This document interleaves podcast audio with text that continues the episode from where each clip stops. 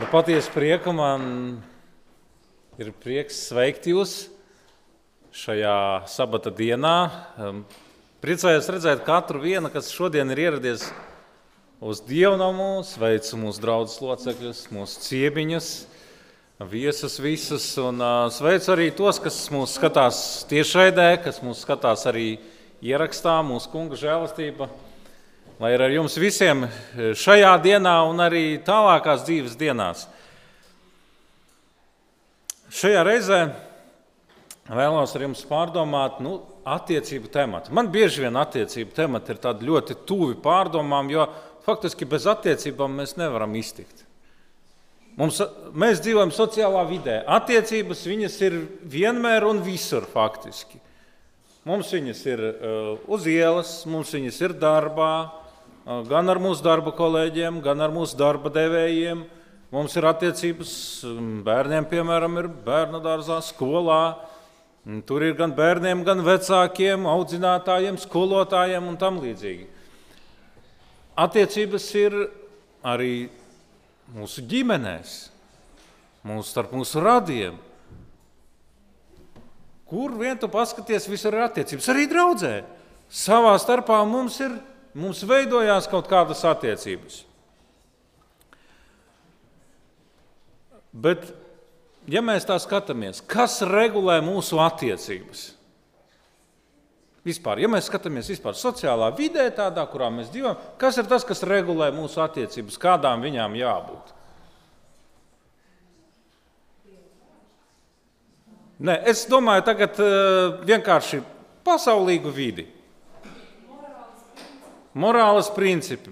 Morāles principi. Tur ir piemēram, mēs varam ņemt kaut kādus etiķetes likumus, pareizi.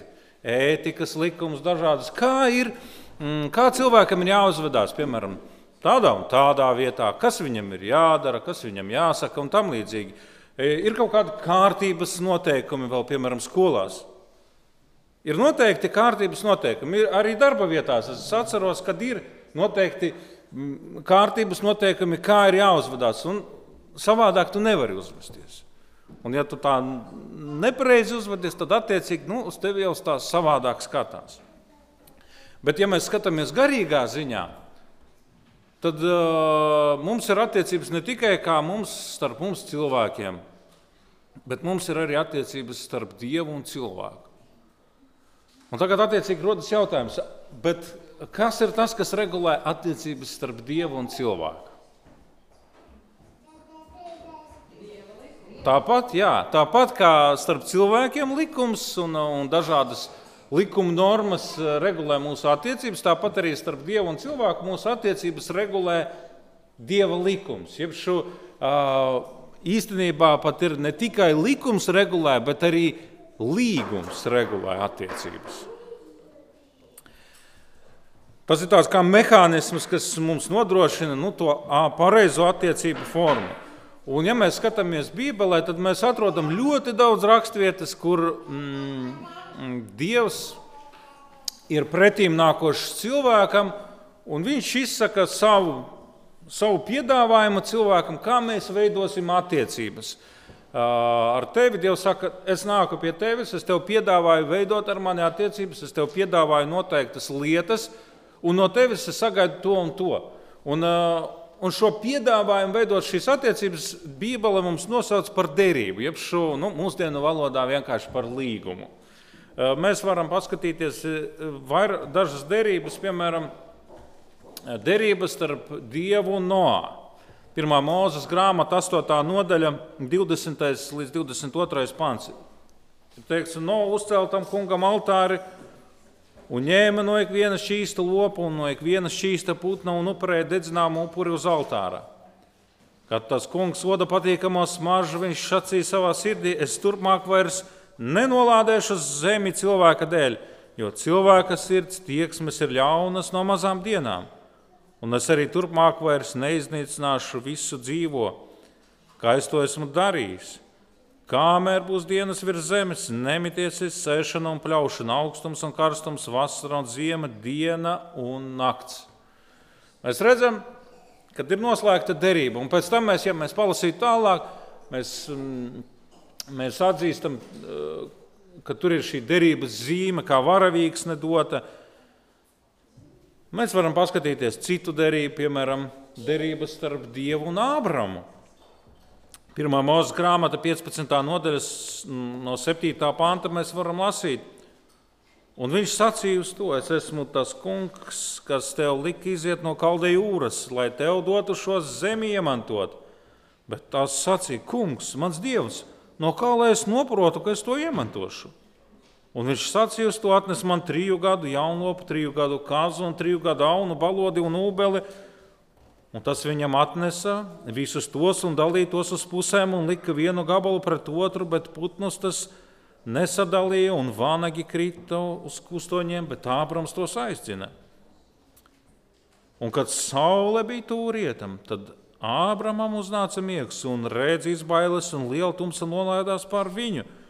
Un viņš sacīja uz Ābramu: Piemini, zināt, zini, ka tev pēcnācēji būs svešinieki zemē, kas tiem nepē, nepieder, un viņi tiem vergos un viņus pazemos 400 gadus. Bet arī to tautu, kas tos verdzinās, es tiesāšu pēc tam, tie izies ar lielu mantību Bet tu, to, bet tu noiesi mierā pie saviem tēviem, un tu tiksi apglabāts sirmā vecumā. Un ceturtā paudze atgriezīsies šeit, jo amoriešu grēka mērs vēl nav pilns. Un notika, kad saule bija nogājusi un bija iestājusies pilnīgi tumsa, tad it kā, kā dūmains ceplis un degoša lāpa parādījās starp tiem gabaliem. Tanī dienā tas kungs noslēdza ar Ābramu derību sacīdams: Taviem pēcnācējiem es došu šo zemi no Eģiptes upes līdz lielajai upei, Eifratas upei. Arī kanāniešus, kadumiešus, hetiešus, serifiešus, refajiešus, amoriešus, kanāniešus, girziešus un jebusiešus. Mēs atkal redzam, Dievs nāk pie Ābrama. Viņš saka, es vēlos ar tevi slēgt derību, es vēlos tev piedāvāt attiecības, bet viņas būs balstītas uz noteiktiem likumiem. Un viņš noskaidro, ko viņš viņam apsola, ko viņš viņam ir gatavs dot šo attiecību rezultātā. Mēs varam lasīt arī šo derību, to ir svarīgi arī izlasīt, derības starp Izraēlu tautu un Dievu. Jo šeit faktiski šajā derībā, šī derība ir faktiski turpinājums šai derībai, kas tika dota Ābramam. Jo Ābrams jau atradās apsolītā zemē, un tad Dievs teica, ja tu noslēdz ar mani derību, būs dažādas lietas, notiks tas, bet galu galā tavi pēcnācēji iemantos šo zemi. Un, un mēs redzam, ja mēs papētām Bībeli, visus vēstures notikumus, mēs redzam, ka absolūti precīzi viss, ko Dievs bija teicis, tas tā arī piepildījās. Un, un šī Ābrama slēgtā derība, nu, tas ir turpinājums. Tātad derība ar Izraelu, tas ir turpinājums Ābrama derībai ar Dievu. Otrā mūzes grāmata, 23. nodaļa, 25. līdz, 20, līdz 33. pants. Mēs lasām, bet tev būs kalpot tam kungam, savam dievam, tad viņš svētīs tavu maizi un tavu ūdeni, un es novērsīšu visas tavas slimības. Un tev nebūs sieva tavā zemē, kas nelaikā dzemdē vai ir neauglīgas Es darīšu pilnu tavu dienu skaitu. Savas briesmas es sūtīšu tev pa priekšu un sacelšu izbailes ikvienā tautā, pie kurām tu nāksi, un visiem taviem ienaidniekiem es likšu bēgt. Un es sūtīšu sirdsniņus tev pa priekšu, un tie iepriekš izdzīs hīviešus, kanāniešus un hetiešus Es tos neizdzīšu vienā gadā, lai zeme nebūtu izpostīta un nevairojas lauka zvēri. Maz pamazām es tos izdzīšu ārā, līdz kamēr tu pieaugsi un varēsi iemantot to zemi. Un es likšu tavas robežas no Niedru jūras līdz Filistiešu jūrai un no Tūkstneša līdz Eifratas upei. Jo es tās zemes iedzīvotājus došu jūsu rokā, ka jūs tos izdzītu sev pa priekšu Neslēdziet nekādu derību nedz ar viņiem, nedz ar viņu dieviem. Viņi lai nedzīvo tavā zemē, ka nepamudina tevi grēkot pret mani, jo, ja tu kalposi viņa dieviem, tas tev kļūs par slazdu valgu. Mēs redzam, ka Dievs nāk pie Izraēla. Viņš aicina, viņš piedāvā šo, šīs attiecības Dieva tautai, un viņš apsola daudz un labas lietas, dzīves vietu, īpašu aizsardzību, īpašu vadību, mm, pārticību. Tas ir tās visas lietas, pēc kuras īstenībā jebkurš cilvēks arī mūsdienu pasaulē tiecās. Un, un, un Dievs pats nāk pie cilvēka un saka, es tev gribu to visu dot. Bet, arī, bet, protams, tur ir arī šie noteikumi, ko Dievs sagaida. Ja viņš saka, es tev to varu dot, es tev gribu to iedot, bet Dievs arī no cilvēka kaut ko sagaida pretī. Jo līguma attiecības, tās ir tādas attiecības, kur viens ir sadarbība starp divām pusēm. Tas nav tāds vienpusējs līgums. Vienpusēja līguma īstenībā nav. Līgumā vienmēr ir divas puses. Otrā mūzes tālāk mēs varam lasīt 24. nodaļā, no 1 līdz 9. pantam. Un tas kungs sacīja uz mūzu, uzkāp pie tā kunga, tūnārons, nabats un abīs un 70 no Izraēla vecajiem un pielūdzēt iztālēm. Un Mūzes, lai viens pats nāk pie tā kunga, bet viņi lai nenāk tuvu klāt, un arī tauta, lai nekāp augšā līdz ar viņu. Tad Mozus nogāja un izstāstīja tautai visus tā kunga vārdus un visus noteikumus, un visa tauta vienā balsī atbildēja un sacīja visu šo vārdu, ko tas kungs ir runājis, mēs izpildīsim. Ko mēs redzam? Dievvvārds mums pasaka, ka Dievs atklāja šos savus derības noteikumus, viņš izstāsta visu, pilnīgi, ko viņš apsola, ko viņš sagaida. Un tauta saka, labi, mēs to visu izpildīsim, mēs piekrītam šai derībai, šim līguma noteikumiem. Un kas notiek tālāk? Un Mozus uzrakstīja visus tā kunga vārdus, un viņš cēlās agri no rīta un uzcēla altāri kalna pakājē līdz ar 12 piemiņas akmeņiem pēc 12 Izraēlu cilšu skaita. Un viņš sūtīja no Izraēla bērnu vidus jaunekļus, kas upurēja dedzināmos upurus un kaujamos upurus kā pateicības upuri tam kungam. Un Mozus paņēma pusi no asinīm un tās ielēja upuru bļodā, bet otru pusi viņš apslacīja altāri. Tad viņš ņēma derības grāmatu un to lasīja skaļā balsī tautai priekšā, un tie teica, visu, ko tas kungs ir runājis, mēs darīsim un pildīsim. Un Mozus ņēma asinis un slacīja pār tautu un sacīja: Redziet, šīs ir derības asinis, ko tas kungs ar jums ir slēdzis saskaņā ar visiem šiem vārdiem. Un Mozus uzkāpa kalnā, un Ārons, Nabats un Abijs un 70 no Izrēla vecajiem. Kad mēs iepazīstamies ar eh, šiem derību aprakstiem, mēs redzam, ka šeit ir viens tāds ļoti būtisks elements. Katra derība tika apstiprināta ar ko? Ar asinīm. Katrs līgums tika apstiprināts ar asinīm, un, un šajā pēdējā e, rakstvietā mēs lasām, kad skaidri tiek nosaukts, ka redzi, šīs ir derības asinis. Tātad viena no pamatlietām, kad Dievs slēdz derības ar cilvēku, kad viņš slēdz šo attiecību līgumu un piedāvā cilvēkam šo piedāvājumu, tur vienmēr būs iesaistītas asinis. Vecajā derībā mēs redzam, ka tās ir e, šķīstu dzīvnieku asinis.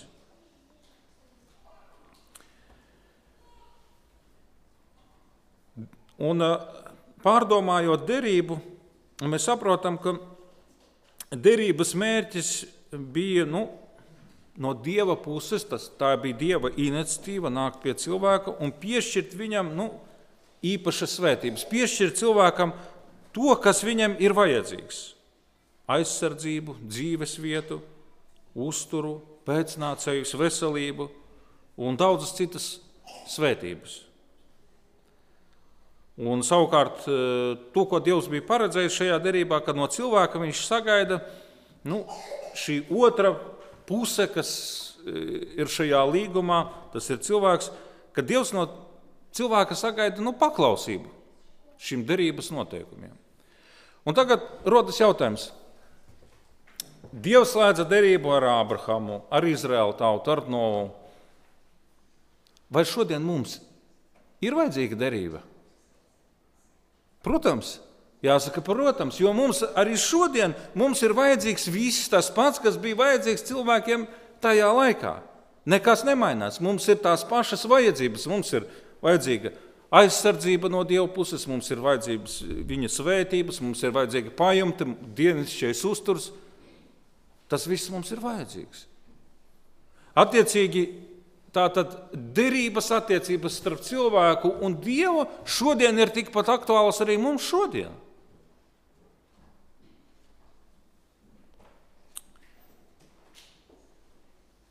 Bet Bībelē mēs atrodam tādu terminu kā jauna derība. Un šeit, kas notiek? Bieži vien, ja mēs skatāmies kristiešu pasaulē, tad kristieši saka, eh, lasot par jauno derību, viņi saka, o, tā ir pilnīgi cita derība, atšķirīga no tās vecās derības. Tātad mums tā vecā derība vairs nav aktuāla, nav vajadzīga. Bet vai tiešām Dievvvārds, runājot par jauno derību, pasaka, ka vecā derība tagad ir pilnīgi atmetama un nevajadzīga? Ebreju vēstulē 8. nodaļas 6. līdz 10.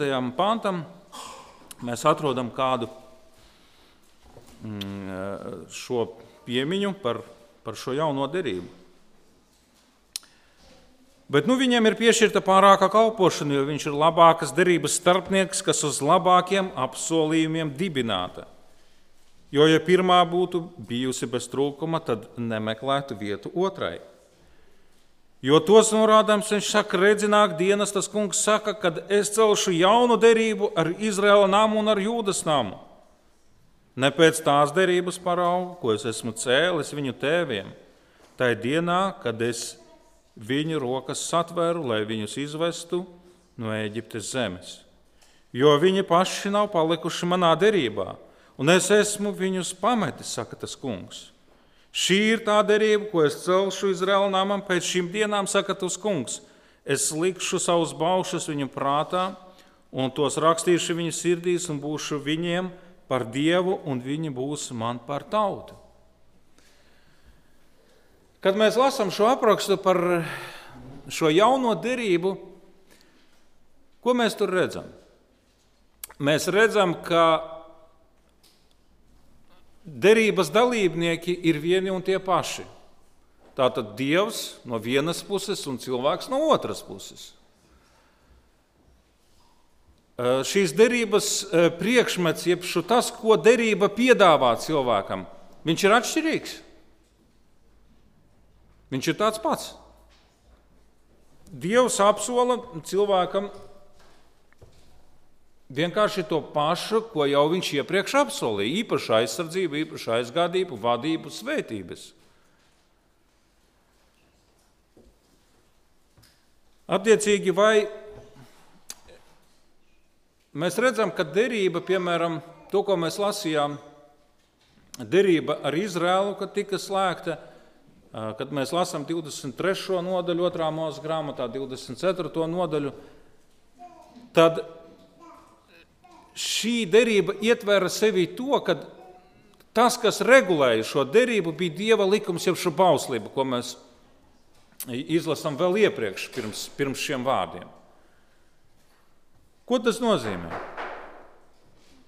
Tas nozīmē, ka uh, derības tiek slēgta uz bauslības pamata. Un arī šeit, Vēstulē ebrejiem, tiek, uh, tiek parādīts, ka uh, Šī vecā derība, eh, viņas viens no tādiem pamatlietām, kas bija ietverta, tā bija bauslība tajā, tajā derībā, ka tas, ko Dievs sagaidīja no savas tautas, kad Viņš slēdz ar, derī, ar viņiem derību tur tūkstnesī Sinēja kalnā, Viņš sagaidīja, ka ko tauta darīs? Paklausīs visiem baušļiem, kā Dievs to ir teicis. Un tad, kad mēs lasām šos pantus ebreju grāmatā mēs redzam, ka Dievs pats e, mums pasaka, ka kas notika ar šo veco derību.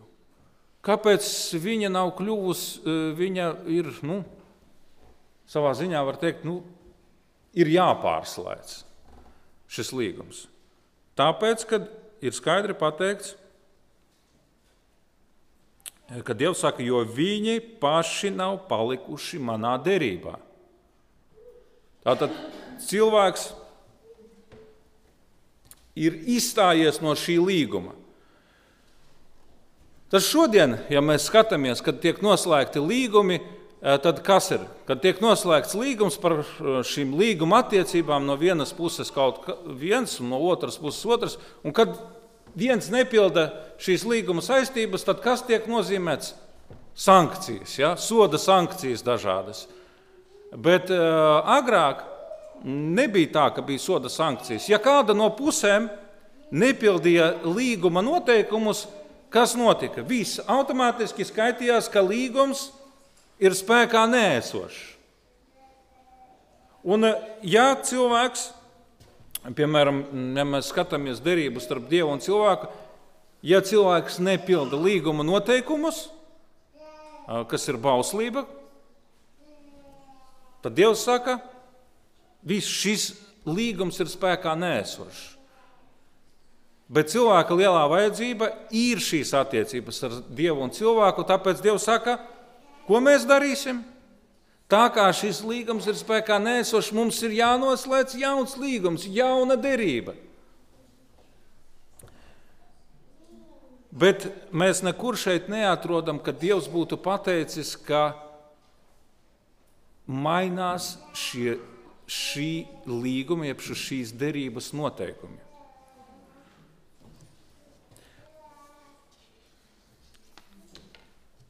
Līguma noteikumi nemainās. Ko tas nozīmē? Ka viss paliek viens un tas pats, tikai tiek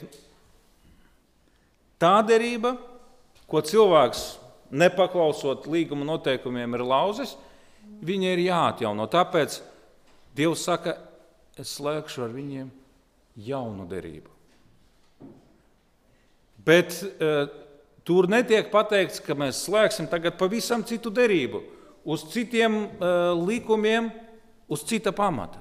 Pamats paliek tas pats, darbie draugi. Jo mēs arī uh, lasījām šo, šo, šo norādi. Uh, arī Dievs pats norādīja, kas, kāda būs šī atšķirība starp šo veco un jauno derību. Un Dievs pasaka skaidri, būs tikai viena atšķirība. Dievs saka, Šī ir tā derība, jeb šī ir tā jaunā derība, ko es celšu Izraēla namam pēc šīm dienām, saka tas kungs. Es likšu savus baušus viņu prātās un rakstīšu viņu sirdīs, un būšu viņiem par dievu, un viņi man būs par tautu. Vienīgā atšķirība starp šo jauno un veco līgumu ir tas, ka kur tas līgums atradīsies. Atcerieties, kad mēs lasām evaņģēlijus, mēs redzam, ka tas, ko norāda Jēzus bieži vien farizējiem, raksturmācītājiem, to, ka viņi līdz galam nepilda Dieva likumu, viņi nepareizi viņu izprot, nepareizi viņu piepilda. Bet šeit, un, viņš, un, un, un mēs arī redzam, ka farizēji bieži vien e, šos likumus, ar kuriem viņi arī raksturmācītāji, ar kuriem viņi apkrāva visu tautu un, un spieda viņiem tos piepildīt, tie bija tādi likumi, kas bija jāpiepilda. Viss tas ir tā jāizdara, bet viņš nebija ierakstīts sirdī cilvēka. Cilvēks to darīja tā pienākuma dzīves vai, vai kādas kalpošanas dzīves, bet ne tāpēc, ka tas bija ierakstīts viņa sirdī. Un tāpēc Dievs saka, ka šī jaunā derība būs tāda, ka likums būs ierakstīts cilvēka sirdī un cilvēka prātā. Cilvēks rīkosies pēc tā, kā likums, likums darbojās viņa prātā. No viņa nāks attiecīgi šīs rīcības. Un, un, ja likums būs tur, tad izējot jebkurai rīcībai, jebkurām domām, izējot caur dievu likumu prizmu, attiecīgi cilvēks spēs rīkoties pareizi. Un ko nozīmē e, spēja rīkoties pareizi? Tā ir spēja palikt iekšā šajā līgumā, šajā, šajā derībā, kurš apsola nu, tev to jauno zemi, apsolīto zemi, dzīvību, zemi, kur piens un medus teikt. Bet, ja viņš tev nebūs ierakstīts sirdī, tad atkal un atkal nu, būs tā, ka tu nespēsi pildīt šo derību.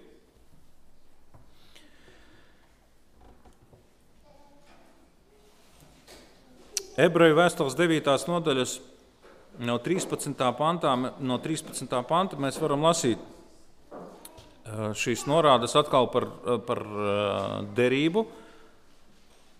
Un tur mums ir tādi paskaidrojumi. Tur teikts tā, jo ja āžu un vēršu asinis un jaunas govs pelni apslakots sagānītos šķīstī, miesas šķīstībai, cik daudz vairāk Kristus asinis, kas mūžīgā gara spēkā pats sevi ir bezvainīgi upurējis Dievam, šķīstīs mūsu sirdsapziņu no nedzīviem darbiem, kalpošanai dzīvam Dievam. Un tādēļ viņš ir jaunās derības starpnieks, lai pēc tam, kad viņš nāvē sagādājis atpestīšanu no pirmās derības laika, izdarītajiem pārkāpumiem aicinās saņemt apsolīto mūžības mantojumu. Ko mēs redzam attiecībā uz jauno derību? Mēs redzam, ka atkal raksti mums norāda, ka jaunā derība arī tiek apstiprināta tāpat kā ko mēs lasām vecā derībā, ar asinīm. Un šeit tiek pastāst, pateikts, ka šīs ir jau Kristus asinis, kas ir daudz, daudz pilnīgākas asinis nekā šo šķīsto, nevainīgo jēru asinis. Un tālāk ir teikts, un tādēļ tā, mēs izlasījām to, jo kur ir novēlējums, tur ir nepieciešami jāpierāda novēlētāja nāve. Jo novēlējumam ir spēks pēc nāves, bet nav spēka, kad novēlētājs vēl dzīves. Tāpēc arī pirmā derība nav bez asinīm iesvētīta. Atkal redziet, jaunā derība šeit tiek savienota ar šo veco derību. Jo, kad Mozus visai tautai bija pateicis visas pavēles saskaņā ar bauslību, viņš ņēma teļu un āžu asinis ar ūdeni un ar sarkanu vilnu un izapu un apslacīja pašu grāmatu un visu tautu sacīdams: Šīs ir tās derības asinis, ko Dievs ar jums ir noslēdzis. Tātad šeit mēs redzam, ebreju grāmata atsaucās tieši uz to raksturvietu, uz šiem notikumiem, ko mēs lasījām 2. mūzes grāmatā, 23. un 24. nodaļā. Bet arī teltu un visus rīkus kalpošanai viņš tāpat apsalcīja ar asinīm. Un gandrīz viss tiek šķīstīts asinīs saskaņā ar bauslību, un, un bez asins izliešanas nav piedošanas. Debesu lietu attēlam jātop šķīstītiem ar to pašu, bet debesu lietām pašām ar labākiem upuriem nekā šis. Jo Kristus nav iegājis rokām taisītā svētnīcā, patiesās attēlā, bet pašās debesīs lai tagad pār mums parādītos Dieva vaiga priekšā. Nevis lai sevi bieži upurētu, kā priesteri, priesteris ik gadu ieiet svētnīcā ar svešām asinīm. Citādi viņam būtu pienācies bieži ciest no pasaules iesākuma, bet tagad viņš rei, vienreiz laiku galā ir parādījies, lai iznīcinātu grēkus sevi upurējot. Un kā cilvēkiem nolemts vienmēr mirt, bet pēc tam tiesa. Tā arī Kristus vienreiz upurēts, upurēts daudzu cilvēku grēkus atņems neatkarīgi. No grēka tiks otrais redzams par pestīšanu tiem, kas viņu gaida. Šīs raksturvietas mūsu domas aizved uz to, ka šī jaunā derība, ko Dievs piedāvā, šīs attiecības starp viņu un cilvēku, ir apstiprināta ar kaut ko daudz, daudz vērtīgāku nekā ar upuru asinīm, ar dzīvnieciņa asinīm. Un, un šeit nepārprotami raksti saka, ka tās attiecības, ko Dievs jums šodien piedāvā, tie apsolījumi, ko Dievs jums šodien ir gatavs dot, tas ir tikai pateicoties tam, ka Kristus atstāja savu troni nāca uz šo zemi, piedzima kā mazs bērns, pieauga, cieta mūsu labā un nomira pie krusta mūsu labā.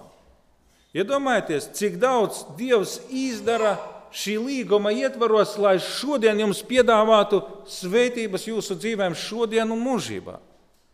Dievs iedod maksimumu, ko viņš var iedot. Jo viņš ko dod? Viņš dod savu vienpiedzimušo dēlu par upuri.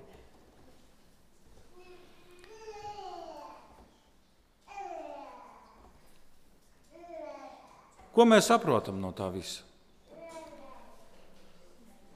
Jaunā un vecā derība, kad mēs dzirdam, mums primāri nav jāskatās, ka tās ir divas Bībeles sadaļas. Tas, kas bija pirms Kristus, un tas, kas bija pēc Kristus.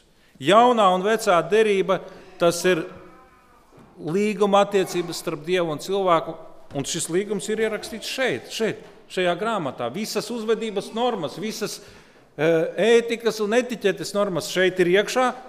Dievs saka, to tur ir aprakstīts tas, ko Dievs no mums sagaida, un tas, ko Viņš saka, nē, pēc tā nerīkojieties. Un ja mēs to visu izpildīsim, tad Dievs saka, jā, tad es jums varu to dot. Jo jūs uh, paliekat derībā, un, bet jaunā derība mums akcentē to, ka tam visam ir jābūt sirdī. Tam nav jābūt piepildītam tikai pienākumu pēc. Tam nav jābūt Un tāpēc arī mēs atrodam rakstos, ka, teikts, ka ar darbiem neviens ne, ne, nenopelna glābšanu. Ka tā ir Dieva balva. Kā darbojas nu, tādā vienkāršākā valodā, piemēram, mm, kā izskatās šī jaunā un vecā derība kopā? Mēs nevaram teikt, ka tās ir pilnīgi savādākas derības. Mums šeit, darbie draugi, ir jāsaprot, ka jaunā un vecā derība tā ir viena un tā pati derība. Tikai šī jaunā derība, tas ir vecās derības turpinājums, jeb šis piepildījums. Nu, vienkāršā valodā man vienkārši atnāca tāds piemērs prātā.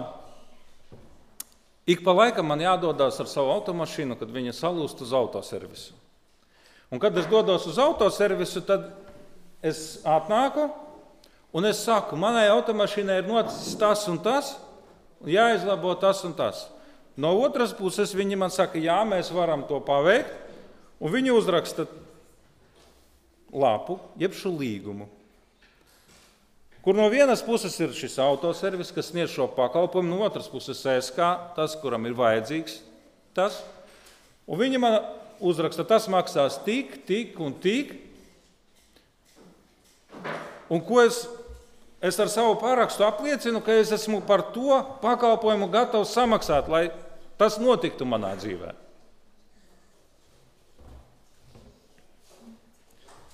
Tad, kad es līgumu pārakstu šo, tad viņiem ir tiesības paņemt manu automašīnu un veikt šos remontdarbus, par kuriem mēs esam vienojušies. Bet kas notiek pēc tam? Parasti notiek tā, ka tad, kad darbi ir izpildīti, viņi man zvana. Un viņi saka, tā, re, kur ir tas mūsu noslēgtais līgumiņš. Jā, mēs paveicām šo un to, pēc tam tur, mēs, tur bija vēl jāizdara tas un tas, un tur cena nedaudz atšķirās. Un tad jau mēs parakstām vēl vienu līgumu. Bet faktiski tas līgums ir balstīts uz šī pirmā līguma pamata. Kaut kas līdzīgs ir arī šeit, attiecībās starp die, uh, Dievu un cilvēku.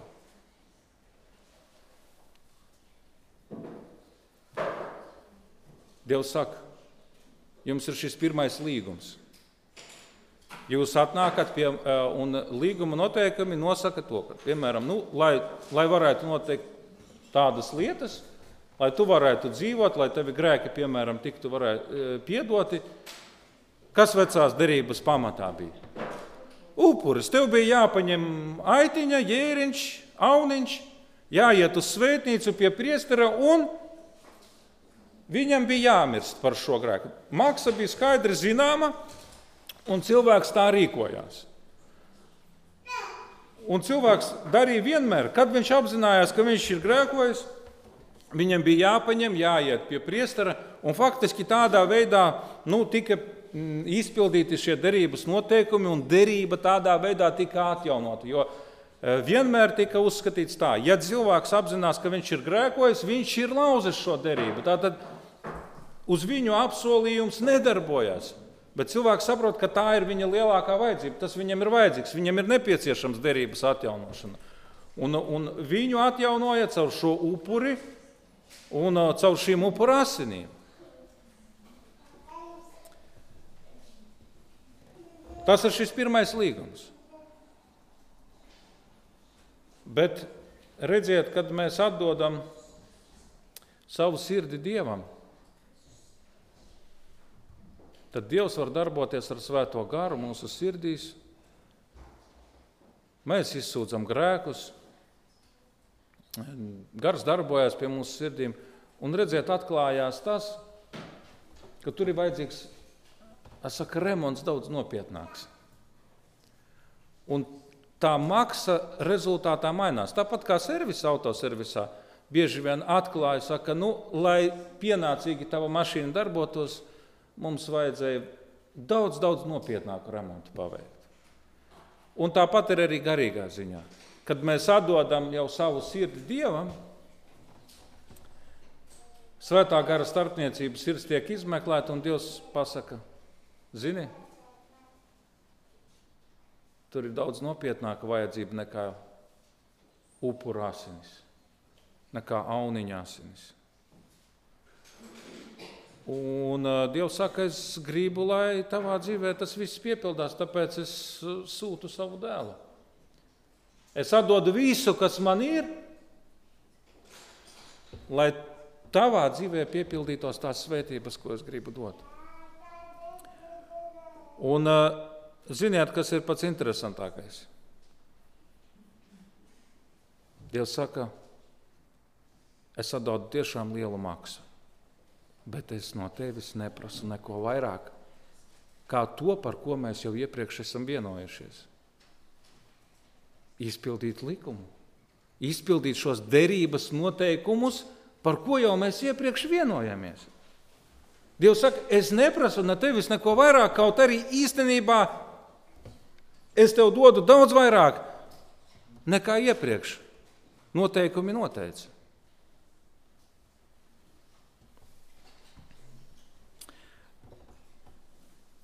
Elēna Vaita grāmatā liecības eh, draudzē 6. sējumā 392. lapas pusē par eh, veco un jauno derību raksta šādus vārdus.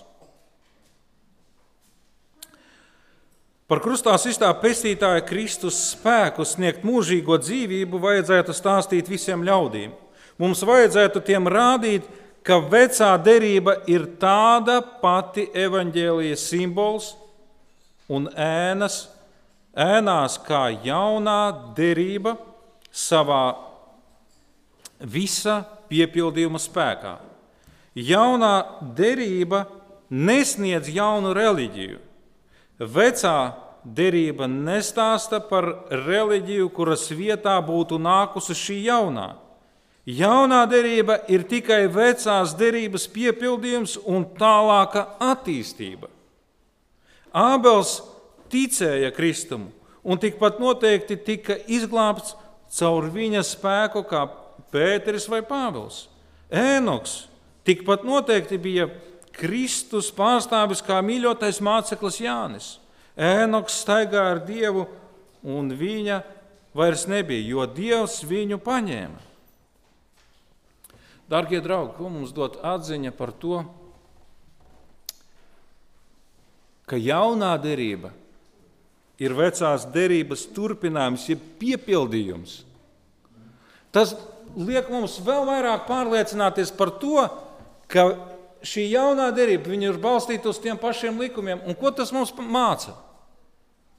Mēs zinām, ka Dieva likums ir nemainīgs.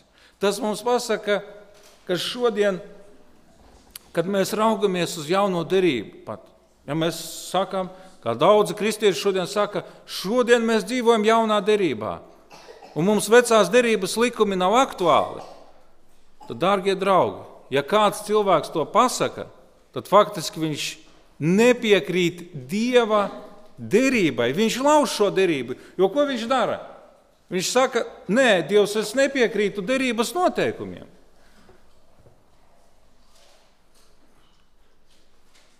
Un ko nozīmē nepiekrist derības noteikumiem, draugi?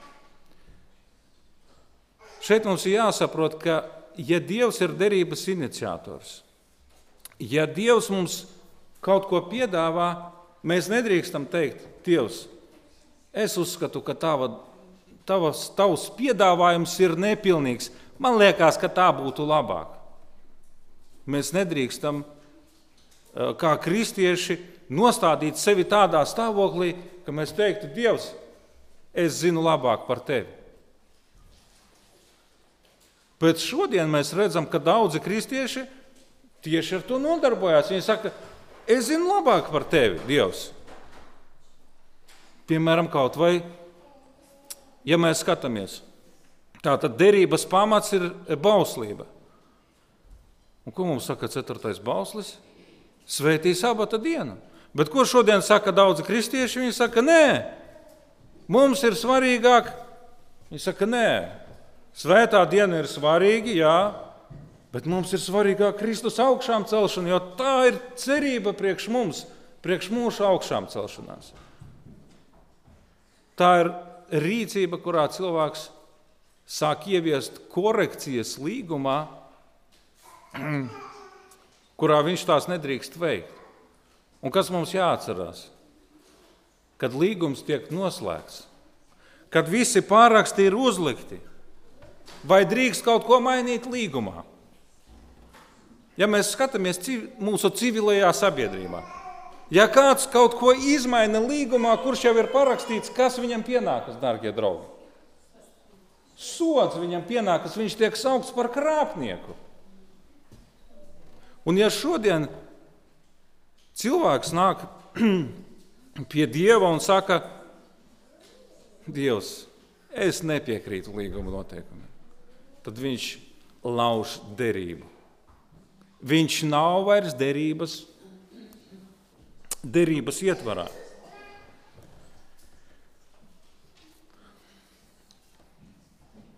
Mums vienmēr ir jāatcerās arī Kristus vārdi, ko viņš teica eh, Kalnu svētdienā. Mateja evanģēlīja 5. nodaļā, 17. un 18. pants. Saka, nedomājiet, ka es esmu atnācis atmest bauslību vai praviešus. Es neesmu nācis to, tos atmest, bet piepildīt.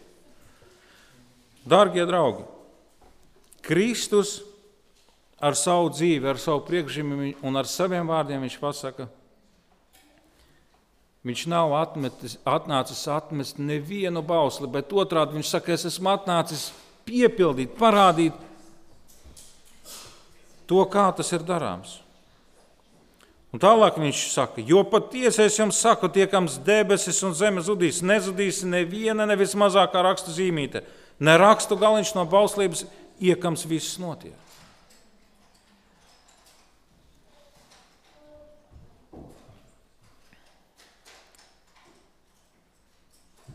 Kristus arī iestādot svēto vakarēdienu norādīja uz uh, savām asinīm, kā derības asinīm, uh, ka tieši caur šīs asinis, šīs derības asinis apstiprina, uh, ka šis līgums ir darbībā, ka šī derība ir darbībā. Un tās nav ne jēra, ne āžasnis. Tās ir mīlošā radītāja, glābēja Jēzus Kristus asinis. Mateja Evangelija 26, 26, 28. Bet tiem vēl ēdot, Jēzus ņēma maizi, svētīja pārlauzu un deva to saviem mācekļiem un sacīja: ņemiet, ēdiet, tā ir mana miesa. Un viņš, ņē, un viņš ņēma biķeri, pateicās un deva to tiem un sacīja: dzeriet visi no tā, jo tās ir manas jaunās derības asinis, kas pār daudziem tiek izlietas grēku piedošanai. Kristus skaidri un nepārprotami pasaka, ka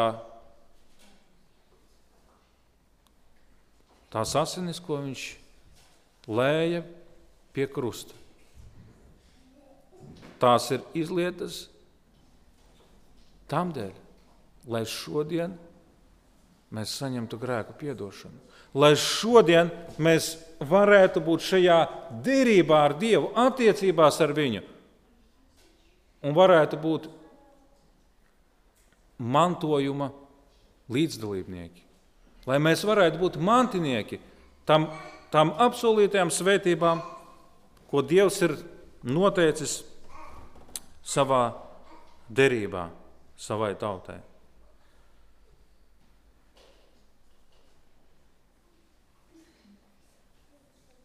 Lai paliktu uzticīgs derībā, Dievs paveica maksimumu. Viņš nevarēja dot neko vairāk. Iedomājieties tagad sevi. Kā mums jāizturās pret derību, ko mēs slēdzam ar Dievu, ja mēs apzināmies, ka Dievs izdarīja visu, kas viņa spēkos iespējamo, lai mūs paturētu šajā derībā? Kā mums, kā viņa bērniem, kā šiem kā derības, tiem, kas ir iekšā šajā derībā, kā derības slēdzējiem no otras puses, kā mums ir jāizturās pret šo derību, dārgie draugi?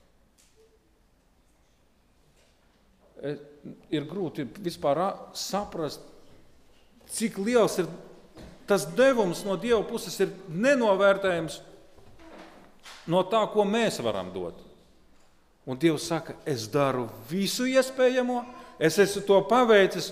Un Dievs saka, un vienīgais, ko es no tevis prasu, viena lieta, ko es tev no tevis prasu, ko es prasīju jau no visiem iepriekšējiem, kad es ar viņiem slēdzu taviem e, sečiem, nekas nav mainījies. Vienīgais, ko es prasu, staigā manos likumos. Paliec uzticīgs derībai. Raksti baušļu savā sirdī.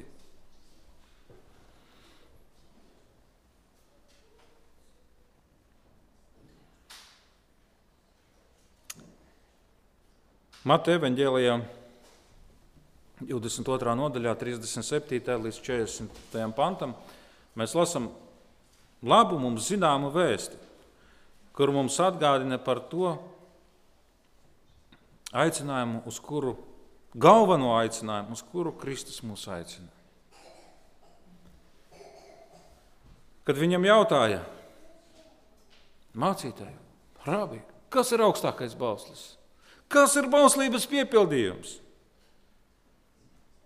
Bet Jēzus tam sacīja: Tev būs Dievu savu kungu mīlēt no visas sirds, un no visas dvēseles un no visas sava prāta. Šis ir augstākais un pirmais bauslis. Otrs tam līdzīgs ir, tev būs savu tuvāku mīlēt kā sevi pašu. Šīs abos baušļos ir saņemta kopā visa bauslība un pravieša. Darbie draugi, šodien, kad Dievs mums nāk un slēdz ar mums derību, mums jāsaprot, ka tas, uz ko Kungs mūs aicina, piepildīt bauslību. Un kā Kristus teica, bauslības piepildījums ir mīlestība. Mīlestība pret Dievu, mīlestība pret līdzcilvēku. Ja mums ir mīlestība pret Dievu, mums nav grūti paklausīt Viņa likumiem. Es domāju, lielākā daļa no mums pateiks, kad viņam jautās, man, vairāk, man ļoti daudz reizes ir jautājuši, Saka, kāpēc tu sevi tā apgrūtini ar to sabata ievērošanu? Tas taču ir ļoti grūti un nevajadzīgi. Es saku, tas mani neapgrūtina, tas man rada prieku. Ar jums, es, es domāju, ka ar jums ar lielāko daļu ir tieši tāpat. Ja jums jautā, kāpēc tev tas apgrūtinājums, kāpēc tev tie saulrieti un saulēkti un viena šī diena, jūs teiksiet, bet tā ir diena, kurā es pavadu kopā ar kungu. Tas man rada prieku. A, kāpēc jums tas rada prieku? Tāpēc, ka jūs mīlat Dievu, jūs mīlat Viņa likumu. Un tā jābūt ar visiem likumiem. Visiem Dieva likumiem ir jābūt ierakstītiem mūsu sirdīs. Tad tie mums būs par prieku, tad tie mums nebūs par apgrūtinājumu vai slogu, kas mūs nospiež. Un noslēgumā novēlējums un aicinājums no Pāvila Vēstule romiešiem 12, 1, 3. Es jums lieku pie sirds, brāļi, Dieva žēlsirdības vārdā nodot sevi, par, sevi pašus par dzīvu, svētu, dievam patīkamu upuri. Tā lai ir jūsu garīgā kalpošana. Un netopiet šai pasaulē līdzīgi, bet pārvērtieties, atjaunodamies savā garā, lai pareizi saprastu, kas ir Dieva griba, to, kas ir labs, tīkams un pilnīgs. Tad nu es ieteicu ikvienam, starp jums tādas žēlastības vārdā, kas man dota, netiekties pāri noliktiem, bet censties sevi apvaldīt saskaņā ar to ticības mēru, ko Dievs katram piešķiris. Amen! lai kungs vada visus no katru mūsu un lai mums palīdz būt derības dalībniekiem un palikt tajā. Mūsu godības un žēlastības pilnais kungs, mēs savā sirdīs esam pateicīgi tev par tavu dzīvo vārdu. Mēs pateicamies, ka tas mums norāda uz tevi. Mēs pateicamies, ka Bībelē mēs atrodam tavas derības noteikumus. Mēs atrodam tavu derību, ko tu slēdz ar mums, un mēs pateicamies, ka mēs varam būt derības mantinieki. Tādēļ Kungs palīdz mums apzinoties, ka tu esi piepildījis visu, kas nepieciešams derības izpildīšanai. Palīdz arī mums apzināties, ka no mūsu puses arī jādara viss iespējamais, lai mēs paliktu šajā derībā. Un mēs apzināmies, kungs, ka savā spēkā mēs to nespējam, tādēļ mēs lūdzam, sūti mums svētā gara svaidījumu. Lūdzam, kungs, lai svētais gars ir tas, kas mūs vada, kas mūs pamāca, kas mūs dod gudrību un atziņu. Lūdzam, kungs, raksti savus baušus mūsu sirdīs un mūsu prātos, lai no mūsu sirdīm, no mūsu prātiem nāk tikai labais, tikai tas, kas pagodina tevi, un ka mēs staigājam tavā derībā, un ka tavas asinis ir tās, kas mūs šķīsta.